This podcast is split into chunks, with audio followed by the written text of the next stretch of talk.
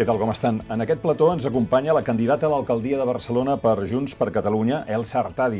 Elsa Artadi té 45 anys, va ser consellera de la presidència de la Generalitat, actualment és presidenta del grup municipal de Junts per Catalunya a l'Ajuntament de Barcelona, va ser la número 2 a la llista de les últimes eleccions, l'any 2019.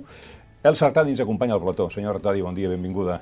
Molt bon dia, gràcies. En el vídeo en el qual va anunciar que es presentava a les primàries, unes primàries a les que, mm, diguéssim, arrasat, eh, va dir et proposo, et proposo deixar enrere la degradació i provocar el canvi. Et proposo recuperar l'orgull de ser de Barcelona. El canvi en quin sentit? Fer fora de Colau? El canvi és aquest, és el que demana la majoria de la ciutadania.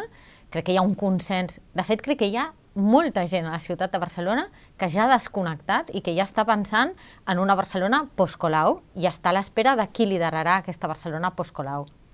I aquest és la garantia que nosaltres donem a la ciutadania, perquè no hi ha cap altre partit polític amb opcions a guanyar a l'Ajuntament de Barcelona que pugui dir això, perquè o bé hi han pactat, o bé hi estan pactant, o bé l'han fet alcaldessa, o li estan aprovant tots els pressupostos i l'estan salvant de reprovacions. I, per tant, aquesta és la nostra aposta, aquesta és la nostra decisió i aquest és el nostre compromís. Colau, dic per això que deia vostè de proposo recuperar l'orgull de ser de Barcelona, també s'ha carregat aquest orgull? Evidentment. A més, hi ha un discurs de ciutat ara mateix que i que el veiem a tot arreu, eh? el veiem als mitjans de comunicació, el veiem quan anem a fer un cafè al bar, el veiem quan ens trobem amb la família, de eh, desànim, jo crec que el podem definir com a desànim, perquè hi ha coses molt bàsiques de la ciutat que no funcionen, els bàsics de la ciutat, eh? la seguretat, la neteja, la mobilitat, el, el generar prosperitat econòmica, aquest discurs que portem arrossegant eh, gairebé set, set anys de decreixement econòmic i que ara estem veient què vol dir el decreixement econòmic, que és una ciutat sense gent, una ciutat sense oportunitats, una ciutat que s'empobreix, doncs està generant aquest discurs que l'hem de revertir, perquè evidentment i per sort per tothom, Barcelona és molt més que el seu ajuntament, Barcelona és molt més que Ada Colau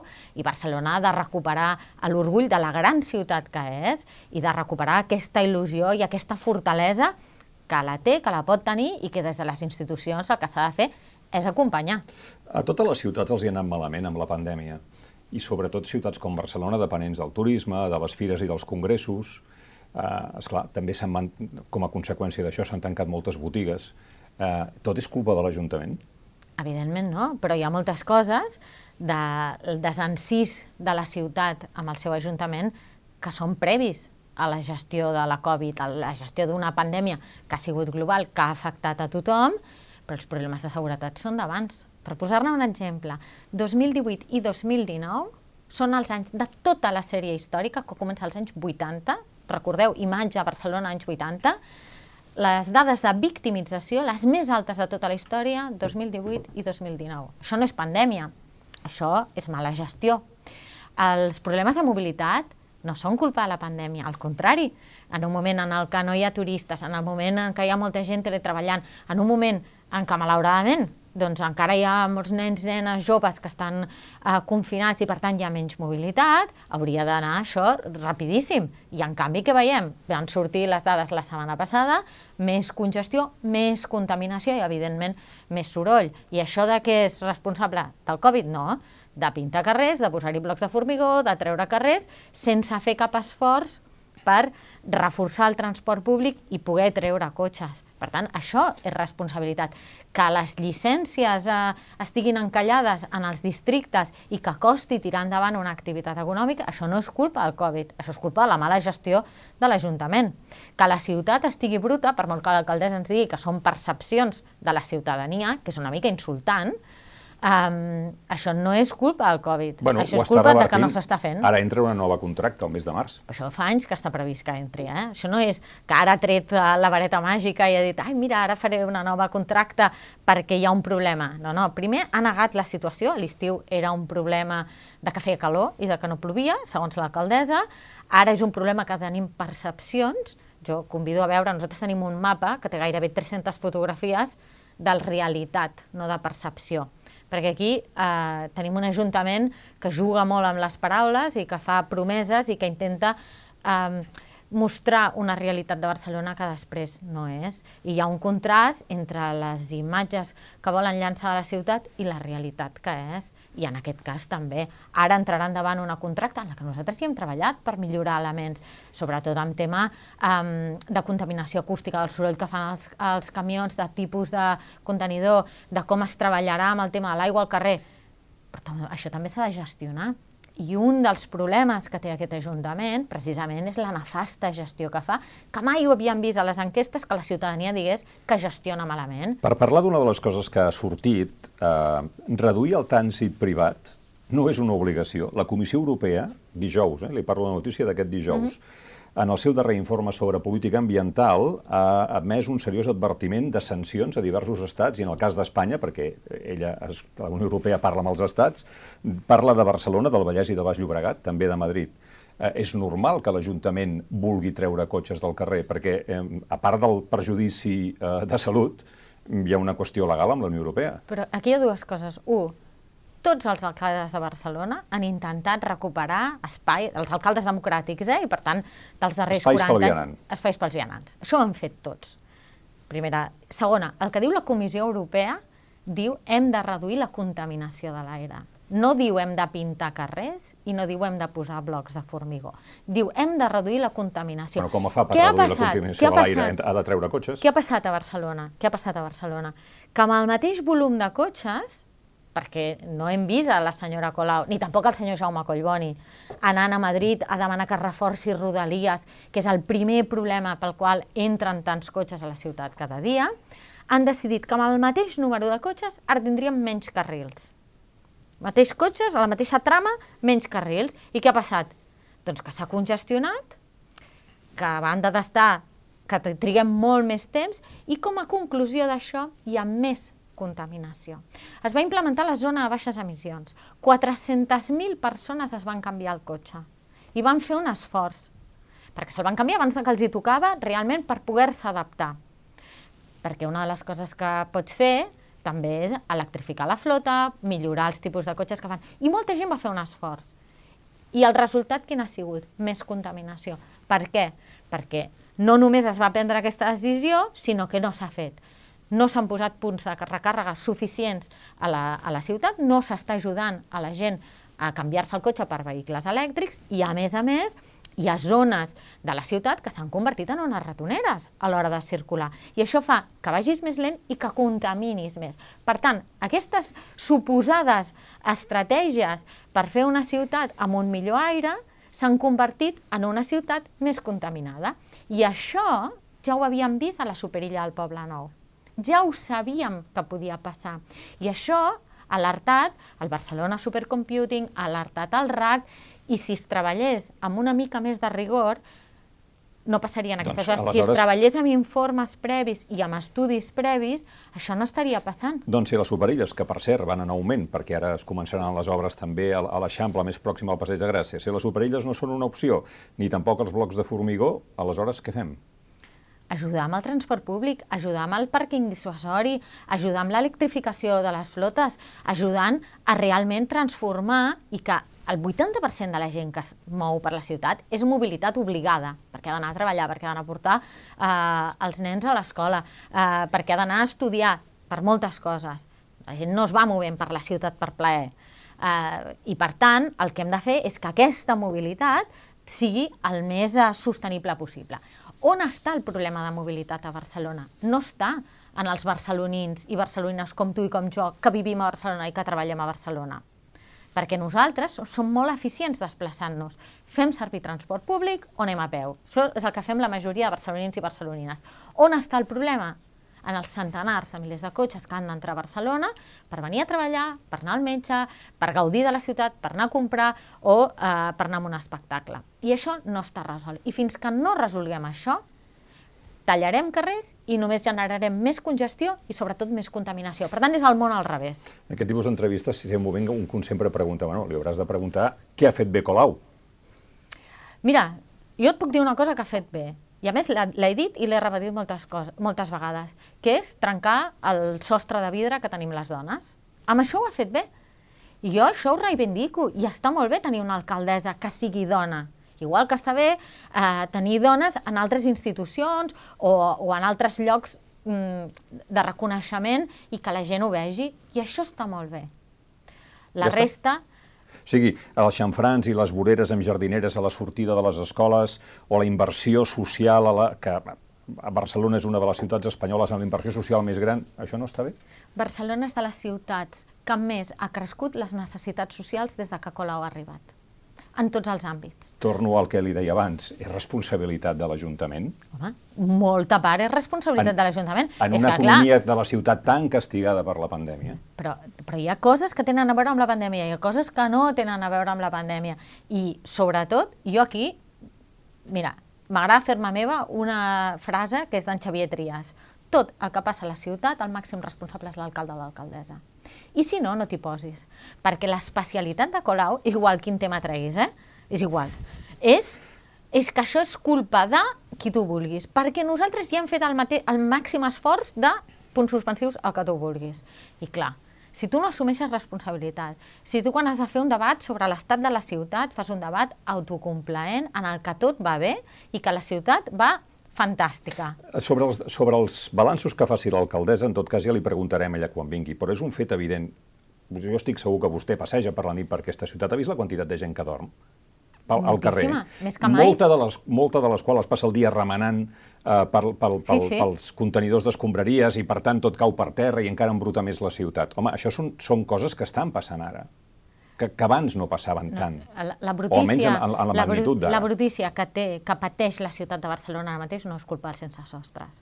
Per tant, i el sense sostre, la magnitud que tenim No, ara... no, no dic, no dic el- pas que ja sigui culpa teníem- dels exesostres, dic, dic que és un fenomen que Teníem- ha anat a molt més últimament. I abans de la pandèmia ja teníem molts més sense sostre que no quan Colau va entrar a l'Ajuntament. Sí. I les dades són d'entitats, no són nostres. Són de les entitats que fan els recomptes, que jo he anat a fer recompte amb ells i he anat també a entrevistar les persones sense sostre. I aquestes entitats eh, fan un recompte i es veu les xifres. I prepandèmia ja teníem un fracàs en aquest sentit. Igual que teníem un fracàs amb els desnonaments que és la ciutat de tot l'estat espanyol que té més desnonaments, la ciutat de Barcelona, que els problemes que es venien a resoldre no s'han resolt i en canvi n'hem generat de nous, com pot ser la seguretat, la neteja, la mobilitat, l'accessibilitat també, perquè a vegades parlem no, dels blocs de formigó i de les pintures i dels carrils, bicis i de tota la segregació que estem fent pensant en el cotxe, però també hem de pensar, per exemple, en les persones que tenen una mobilitat reduïda, com és la gent gran. I per la gent gran hi ha espais de Barcelona, amb les intervencions que s'han fet amb el mal anomenat urbanisme tàctic, que els hi fa la vida molt més difícil. M'està dient, per tant, que vostè traurà els blocs de, de formigó, per exemple, al que els carrer blocs de Diputació. formigó els hem demanat moltes vegades que, que es treguin, perquè a més a més són perillosos. I per tant s'han de treure. I es van comprometre a treure'ls i encara els tenim. I a més a més, si us hi fixeu, eh, que properament, a banda del mapa que tenim ara de Brutícia, també ho tindrem, fixa't, anant per l'Eixample, eh, per exemple, que tens els blocs de formigó, la vorera, i entremig tota la càrrega i descàrrega que no hauria d'estar allà i estan tots aturats allí perquè no saben on fer-ho. Per tant, és una perversió del que hauria de ser. O tenim carrils, com pot ser a la Via Laietana, que en teoria són pels vianants i s'ha convertit en un carril bici. I de totes les obres que estan a punt de venir, que s'han d'acabar més o menys per eh, el- l'època de les eleccions, al maig de l'any que ve, la reforma de la Via Laietana, de la part baixa de la Rambla, al final de l'urbanització de la plaça de les Glòries, amb, amb, el, amb el túnel d'entrada a la ciutat, eh, a la connexió del tramvia a la Diagonal, des de les Glòries fins a la plaça Francesc Macià. De tot això, no hi ha res que li agradi? La Rambla, el que, el que no m'agrada de la Rambla és lo poc ambiciós i lo poc ràpid que hi aniran. El projecte de la Rambla, de la remodelació de la Rambla, fa més de 2.000 dies que està pendent. De fet, hi ha un comptador a la Rambla, davant del Liceu, en el que surten els dies que està pendent. I ja hem superat, ara devem estar al voltant dels 2.090, gairebé 2.100 dies.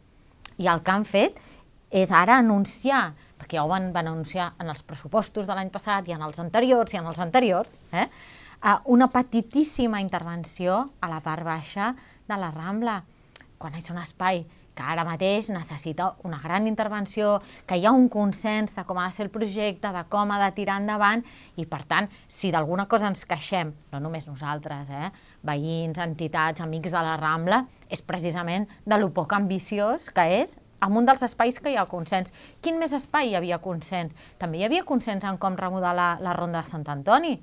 I què ha passat? que a més a més aquests dies ha tornat a estar eh, en el focus dels mitjans de comunicació i també dels veïns que s'han constituït en una plataforma d'afectats de la llosa. Això es va anunciar el 2017 i no s'ha tirat endavant perquè s'ha volgut tirar endavant les superilles i abandonar veïns de Raval i, dels, i de Sant Antoni. I no té cap sentit. Fer 8.000 habitatges més i un mercat al 22 arroba és ambiciós? Aquí el que és ambiciós, tot, tot el projecte del 22 arroba, que no l'ha començat eh, Colau ni Collboni, és un projecte ambiciós, és un projecte eh, de ciutat, és un projecte en el que la part sud del 22 arroba ha sigut un projecte d'èxit, d'èxit, i a més jo hi vaig molt sovint de reunions d'empreses de, i d'entitats que estan instal·lades allà, i ara cal veure com es desenvolupa la part de dalt que no s'està fent amb consens i que hi ha alguns dubtes també sobre si la normativa sobre la qualificació de zona verda aguantarà o no aguantarà. Per tant, ara el que hem de fer amb la presentació del projecte és veure cap a on tirem, però evidentment el 22 arroba fins ara ha sigut una història d'èxit a la ciutat de Barcelona.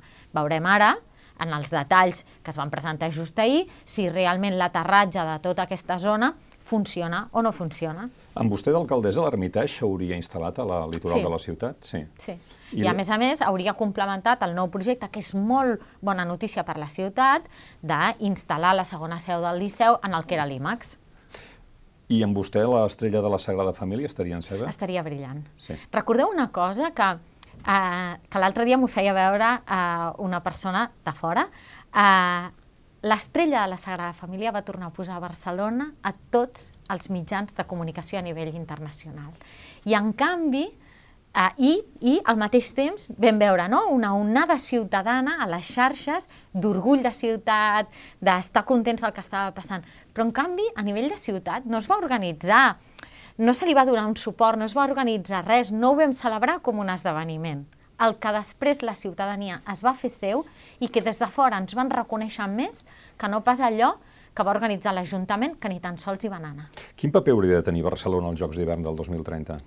El de capital. O sigui, Jocs Barcelona-Pirineus. O Pirineus-Barcelona. Barcelona quin rol ha de tenir? El d'acompanyar el, el país i, per tant, estar a disposició del que el país vulgui fer. I, per tant, nosaltres, i a més a més ho vam portar així en el plenari del, del mes passat, el plenari del gener, eh, que vam demanar dues coses i que es va aprovar. La primera, que Barcelona respecti el resultat de la consulta que es faci al Pirineu i l'Aran, i per tant respecti, apoderi i tracti com un igual a igual a la ciutadania eh, del Pirineu, què volen fer? Si diuen que sí, aleshores Barcelona què ha de fer? Comportar-se com la capital que ha de ser i que no es comporta, i acompanyar amb tota l'expertesa, amb la marca, amb tot el, el suport que hi pugui donar.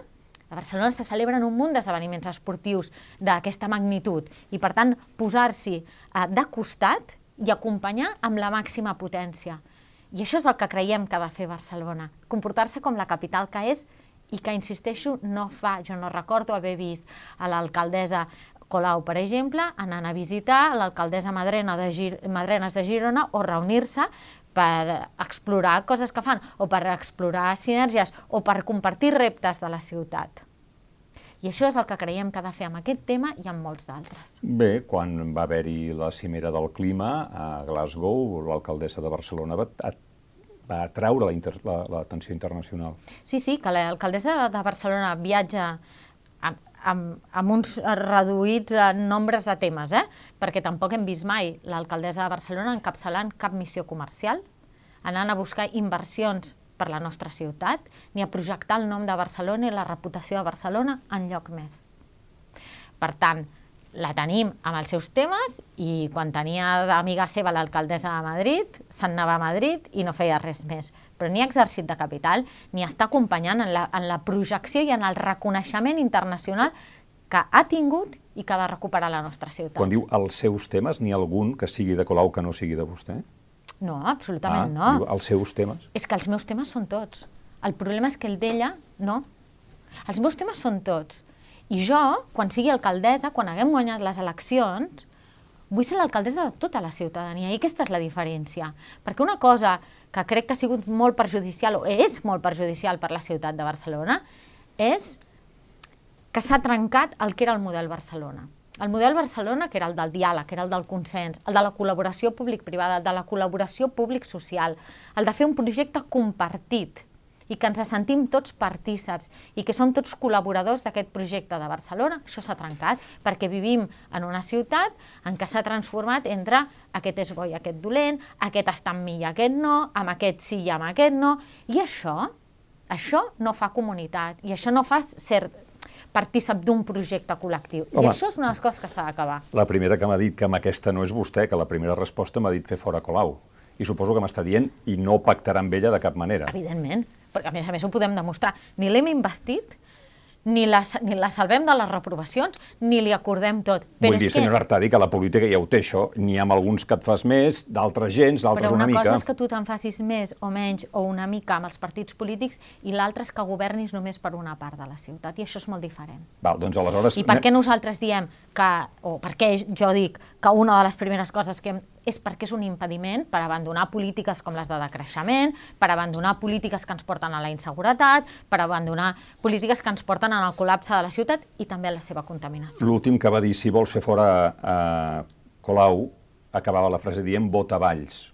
Efectivament. I després les coses van anar com van anar. Per això dic, sí, sí, però qui no va votar a Colau? Nosaltres. Qui no l'ha salvat de la reprovació? Nosaltres. Qui no li vota tot, inclòs els pressupostos? Nosaltres. És que aquest exemple és molt bo, de... perquè quan nosaltres diem, quan jo dic, nosaltres som la garantia del canvi, és precisament per això. Perquè si no, des d'Esquerra Republicana fins a Manuel Valls, tots aquests, passant evidentment per la peça imprescindible del PSC, soci invisible a vegades, tots tots et poden portar a tenir un govern amb Ada Colau. Nosaltres no. Molt bé, doncs posem-nos en la millor de les situacions per vostè, que vostè guanya les eleccions. Um, amb qui es veu governant? De qui acceptaria els vots? Nosaltres eh, anem en aquesta, en aquesta possibilitat i sabem que s'haurà de pactar, perquè no hi ha hagut cap govern, cap govern, cap dels 40 anys de democràcia sí, sí, no, no, que hagi guanyat no per majoria absoluta. No estic presentant el pacte com una debilitat, sinó com una necessitat, però aleshores, doncs aleshores, diguem-nos, no es veu pactant amb Barcelona en Comú? Dic que no acceptaria els seus vots? és que no crec que ells tinguin la voluntat de, de votar-nos sense estar dins d'un govern, tampoc Molt crec bé. que puguem estar amb en un el, govern amb el junts. PSC? La nostra prioritat, la nostra prioritat a l'hora de governar a Barcelona, evidentment és amb Esquerra és amb Republicana, Esquerra Republicana amb qui portem des del 2012. Jo vaig conèixer a l'ara president eh, Pere Aragonès negociant l'acord del 2012, que no els va portar govern, però que era el soci estable, quan jo estava al Departament d'Economia. Aleshores, nosaltres creiem que eh, Esquerra Republicana ha anat en una direcció que no és la correcta, però també sabem que hi ha gent a casa seva que té posicionaments potser més propers a nosaltres i, per tant, la nostra voluntat és poder entendre'ns amb ells redirigir i trobar punts de, consensos, de consens per tirar la ciutat endavant. Entenc, per tant, que evidentment Vox en el supòsit que hi entrés el Partit Popular no formaria part d'aquesta equació, ni Valls Ciutadans o el que en pugui quedar, i per tant aniríem a una sociovergència reforçada o corregida cap a l'independentisme amb Esquerra. O sigui, entre aquests tres partits. No, no sé si un, si un govern de Junts per Catalunya i Esquerra li podem dir sociovergència, quan no hi ha ni els socialistes ni la convergència. No, no, ja, jo, Però bueno, jo, jo li estic posant, perquè vostè en principi no els fa fora de l'equació. La nostra prioritat, i insisteixo, és pactar amb Esquerra Republicana, que és amb qui portem governant des de fa 10 anys al govern de la Generalitat. Crec que podem tenir prou força per tirar endavant un govern conjunt i un govern eh, que canvi, que deixi enrere els errors que s'han comès en els darrers set anys. A la Diputació governen amb els socialistes. Sí, bueno, sí, governen els socialistes amb vostès, vaja. Sí, i, a, i arreu del país hi ha pactes de tota mena. Per no parlar-li que els pressupostos la de la Generalitat es van aprovar amb l'abstenció dels comuns. Correcte, sí, sí, per segona vegada. Mm. Sí, sí, sí. Um, I... Què li fa pensar que el maig que ve anirà millor, tenint en compte que les últimes eleccions eh, vostès van aconseguir cinc eh, regidors, la meitat d'Esquerra, que Esquerra va guanyar les Corts per primera vegada, que va doblar els resultats de l'Eixample del 2015, uh -huh. que el PSC va recuperar nou barris i que Junts no va entrar entre els tres primers a cap districte? Uh, primera, perquè ja hem recuperat en les darreres eleccions al Parlament els resultats a Barcelona i també ja s'ha vist uh, la feina que hem fet. Segona, perquè la volatilitat en els resultats electorals a Barcelona són espectaculars.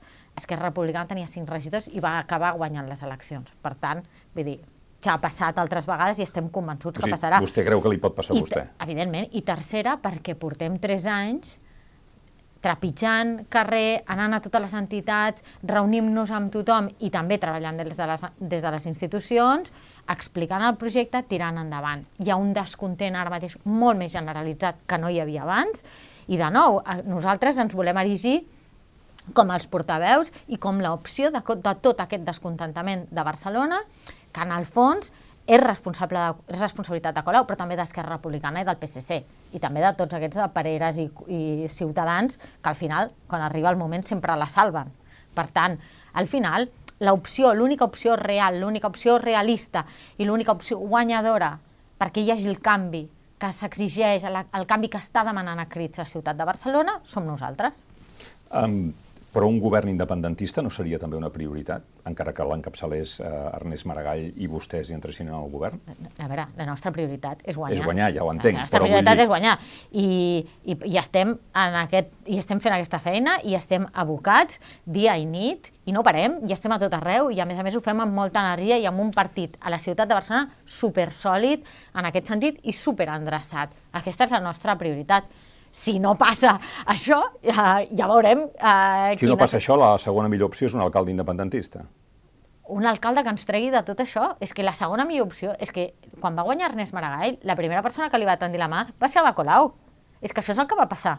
I després a la Colau li va fer, el va abandonar i se'n va anar amb Jaume Collboni i Manuel Valls. Per tant, nosaltres a què anem? A guanyar i a fer un canvi de veritat a l'Ajuntament de Barcelona. I aquest és el nostre compromís. Um, finalment, el Departament d'Interior, després de 30 mesos, um, no permetrà la concentració de, de la Meridiana aquest dissabte. I el tinent d'alcalde de Seguretat, Albert Batlle, ha remarcat aquest fet. Diu, després de 30 mesos de talls i incivisme meridiana, el govern, el govern de la Generalitat, atén el clam de veïns i els reiterats requeriments de la Guàrdia Urbana de l'Ajuntament de Barcelona per acabar amb una situació que havia esdevingut eh, insostenible. Amb vostè d'alcaldessa continuaria manifestant-se i tallant la Meridiana cada dia? Eh, depèn del conseller d'Interior, no depèn de l'alcaldessa el tall de la Meridiana. I per tant, cadascú sí que pot actuar en les seves competències que té però què li sembla que s'acabi? Desconec com ha anat això i de fet ara ho he sapigut venint cap aquí, eh, com que ara a la tarda hem d'anar al Parlament, volia parlar amb el conseller d'Interior per veure realment quina era la situació i com s'ha pres ah, aquesta decisió, crec que, que ara els, mateix desconec. Els hi evitaran, crec que els proposaran un, un altre lloc per manifestar-se, però evidentment ja no podran tallar la meridiana. Ara és el que volia parlar amb el conseller, però no tinc més detalls que aquest. Aquesta, aquests últims dies eh, hem estat molt pendents del que passava al Parlament a per propòsit uh -huh. de la mhm. gestió que s'ha fet del, de la pèrdua de l'escó del diputat de la CUP, a Pau eh, Jubillà. Com ho ha fet la presidenta del Parlament, Laura Borràs? Crec que la presidenta del Parlament ha tingut tota la convicció i tota la voluntat de fer les coses diferents i ha fet tot un recorregut... Diferents de Roger Torrent? Diferents del que havia passat amb el cas del president Torra, en el que ja ha fet un recorregut que objectivament és diferent, amb elements que no s'havien fet fins ara. Com ara? Uh, com ara uh, convocar la comissió del diputat per dues vegades, com ara portar la decisió a votació del ple del Parlament, que al final és qui té la sobirania, en teoria, de, el que representa la sobirania de la ciutadania catalana, en teoria, eh, i per tant, i això tampoc s'havia fet, i per tant corresponsabilitzar tota la cambra d'una decisió que és defensar el reglament, defensar eh, el que és la institució mateixa. Eh, S'ha fet tota una feina a nivell internacional, s'han demanat cautelars, que tampoc s'havien demanat des del Parlament en el cas del president Torra, etc etc. Per tant, s'ha intentat fer un camí conjunt, s'ha involucrat la presidenta en totes les reunions, absolutament totes les que s'han tingut, que això també ha sigut diferent, sempre han sigut reunions a tres i la presidenta ha intentat tirar endavant una opció conjunta de tots tres que al final no ha pogut ser possible. I per tant, al final eh, hem acabat amb un resultat que crec que no li agrada a ningú. Bueno, el mateix que amb Torra no amb un resultat que no li agrada a ningú, que és que la GEC, que és un òrgan administratiu, et passa per sobre de la voluntat popular de la ciutadania. I crec que això ens ho hem de dir, que seguim amb aquesta situació. Aleshores, què hem d'aprendre d'aquesta situació. Si aquesta situació ha de servir, per, si permetem l'expressió, per matar-nos entre nosaltres, de veritat. Home, una mica és el que va passar. El que havia a la fila, el president del Parlament, a rac va dir allò de vaig proposar un pla ambiciós que no em van comprar ni, ni el no, govern, Aquesta és una explicació que ell ha de donar de com ha passat i què han passat a, a, aquests dies. Perquè vostè el, coneixia, el, el pla ambiciós? Coneixia tota, tota l'executiva del partit. El, la, la presidenta es va reunir amb l'executiva del partit, la coneixíem tots i, per tant, estava socialitzat perfectament. Crec que sí. els semblava viable, possible? Nosaltres hi vam donar suport al camí que estava seguint la presidenta del Parlament com a executiva i unànimement es va donar suport a la presidenta. Ara, jo insisteixo, si com a resultat d'això hem d'anar a fer les ferides més grans, els retrets més grans, eh, etc., crec que ens equivoquem tots. Crec que ens equivoquem tots. Uh, per jo, tant, vaig molt, no és... jo vaig molt a les concentracions uh, mm. que es fan arreu de la ciutat, sobretot també fora de la ciutat, però sobretot a les que es fan a la ciutat. I ho faig no només per donar immenses gràcies de seguir a la gent, de, de que seguir que hi siguin allà després de quatre anys, algunes que es fan cada dia, sinó també per reconnectar i per mantenir eh, aquest contacte amb la gent i veure què vol dir la unitat. Però I la unitat vol dir tota aquesta gent, gent que és de diferents partits, gent que no és de cap partit, gent que és de diferents entitats, que surten cada dia. I crec que aquí hem tornat a fallar pel mateix camí, que ens ve una força molt forta, molt cruel, molt antidemocràtica, i la repressió no aconseguim superar-la. Hem tocat els límits de la unitat, amb un camí que havíem entrat junts, que es va poder fer a reunions durant molt de temps junts, i que no es va poder sortir junts. Per tant, què hem d'aprendre? A fer-ho millor la propera vegada. Clar. I si no aprenem les lliçons, mm, no podrem seguir avançant. Per tant, el meu objectiu ara és criticar uns altres. No, perquè és que el fracàs és col·lectiu. No, eh, jo li preguntava més pel sentit d'autocrítica en tant que Junts. Vostès es van presentar amb una imatge de marca, la confrontació Però intel·ligent. Però jo vaig sortir dilluns a fer autocrítica, va ser la primera paraula que vaig dir. Continuo. Per tant... Uh, uh, um, confrontació intel·ligent. Uh, el resultat de la gestió que la presidenta Borràs ha fet del cas Jubillà ha acabat tenint des del punt de vista legal, el, el mateix que la gestió de, del president Torrent amb el president Torra, havent perdut l'etiqueta de confrontació intel·ligent o sense haver-se vist quina és la diferència entre els uns i els altres, i a més a més aprofundint en la divisió en l'independentisme. Però nosaltres hem exhibit moltes vegades la confrontació intel·ligent. Que el president Puigdemont sigui diputat al Parlament Europeu és un exemple de confrontació intel·ligent quan molta gent li va dir que què feia presentant-se.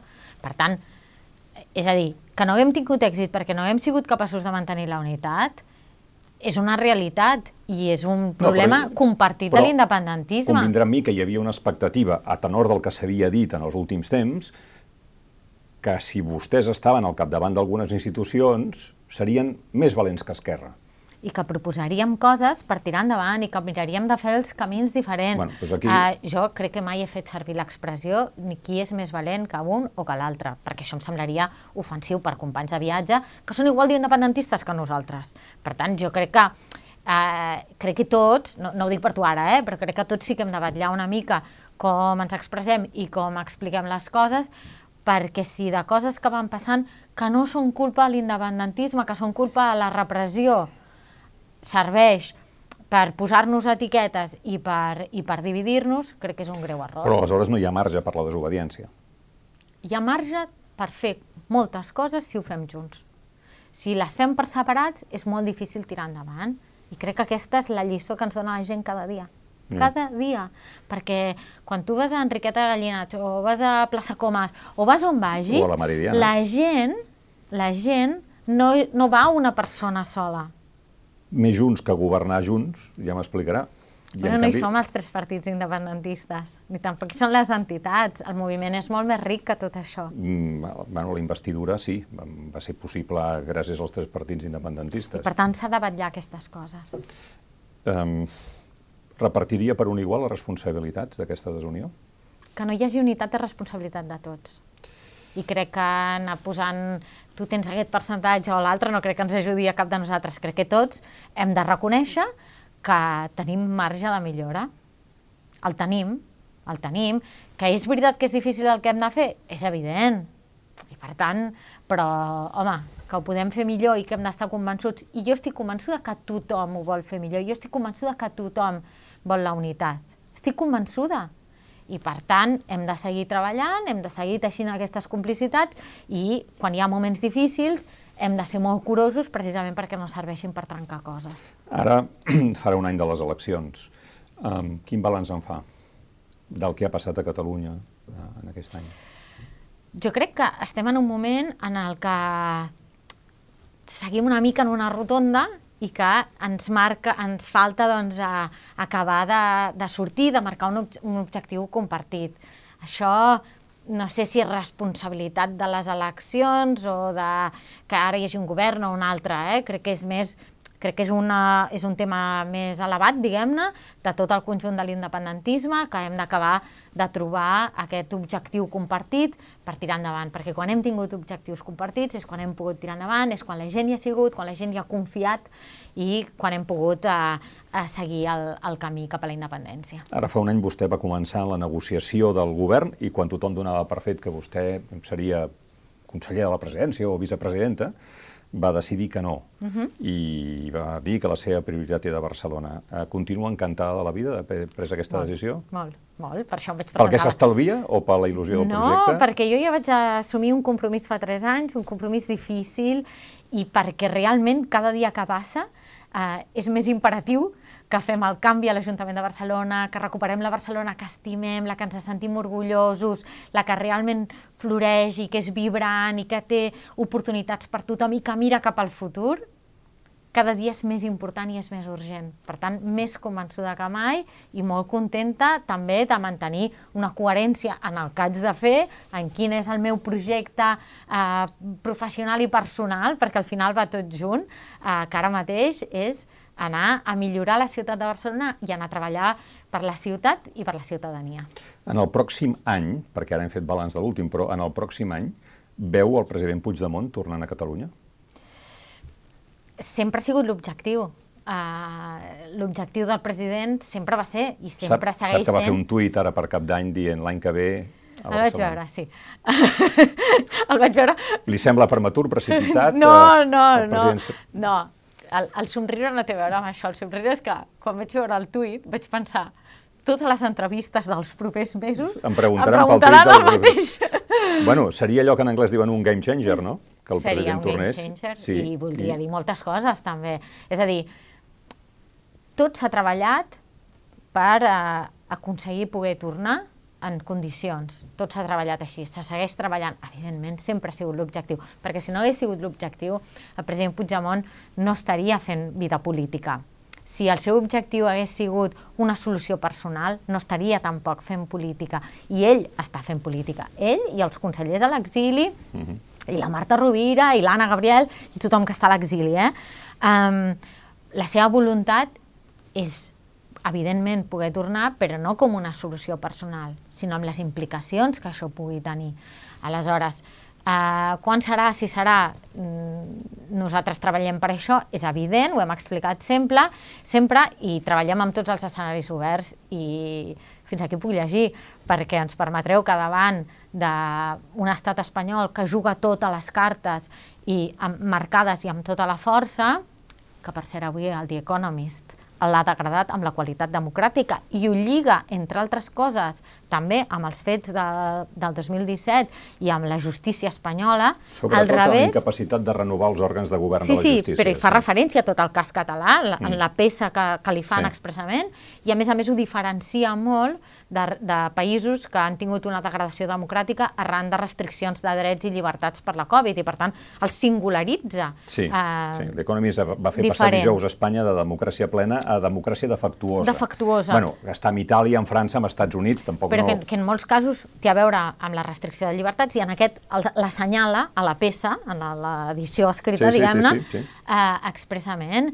Eh, I per tant també és una mostra de la feina de l'exili, és a dir, de la feina de l'exili, de la feina també dels presos polítics, del judici farsa i de la debilitat que té l'estat espanyol, perquè a vegades eh, ens centrem molt en allò que ens falta fer i, i a vegades no, eh, no veiem la feina que s'ha fet o allò que hem aconseguit o les passes que s'han tirat endavant. I realment eh, tota la repressió és un senyal de la feblesa de l'estat espanyol que vulnera el seu propi estat de dret, per reprimir els catalans, perquè no saben fer-ho d'una altra Bueno, manera. feblesa, sí.